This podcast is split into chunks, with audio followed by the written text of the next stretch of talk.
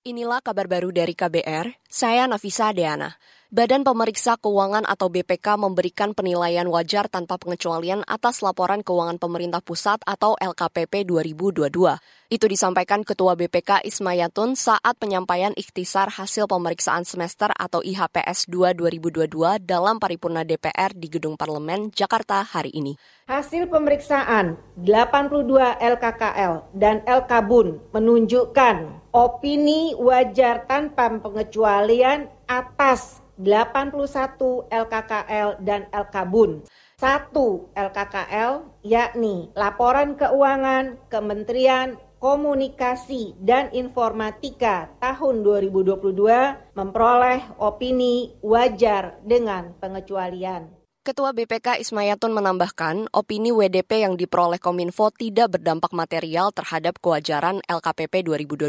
Karena itu, BPK tetap memberi penilaian WTP. Kata dia, pelaksanaan pemeriksaan LKPP 2022 tersebut telah dilakukan BPK dan diserahkan ke pemerintah pusat, DPR, DPD pada 31 Mei 2023.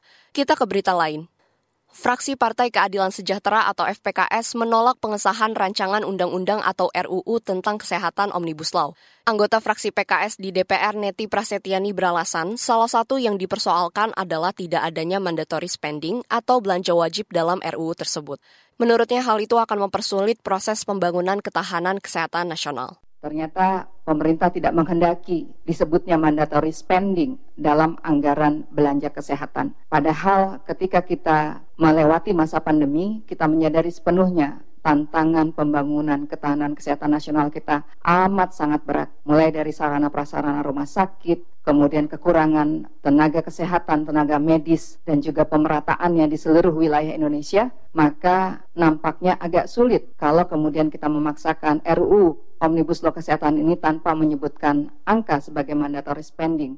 Anggota fraksi PKS di DPR Neti Presetyani meminta pimpinan DPR mendorong pemerintah agar memasukkan kembali belanja wajib dalam regulasi kesehatan tersebut. Kemarin, mayoritas fraksi di Komisi Kesehatan DPR menyetujui RUU Kesehatan berlanjut ke tahap pengesahan sebagai undang-undang di paripurna. Hanya dua fraksi menolak, yakni Demokrat dan PKS. Kita ke berita selanjutnya.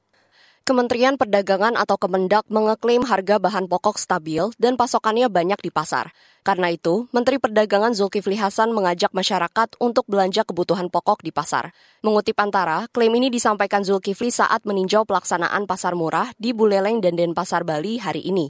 Ia menegaskan pemerintah berkomitmen menjaga akses barang kebutuhan pokok untuk masyarakat di berbagai kondisi. Salah satunya lewat pasar murah. Ia berharap keberadaan pasar murah dapat membantu masyarakat memperoleh bahan pokok dengan harga terjangkau. Di pasar murah Buleleng, harga minyak kita dijual Rp14.000 per liter. Demikian kabar baru dari KBR, saya Nafisa Deana.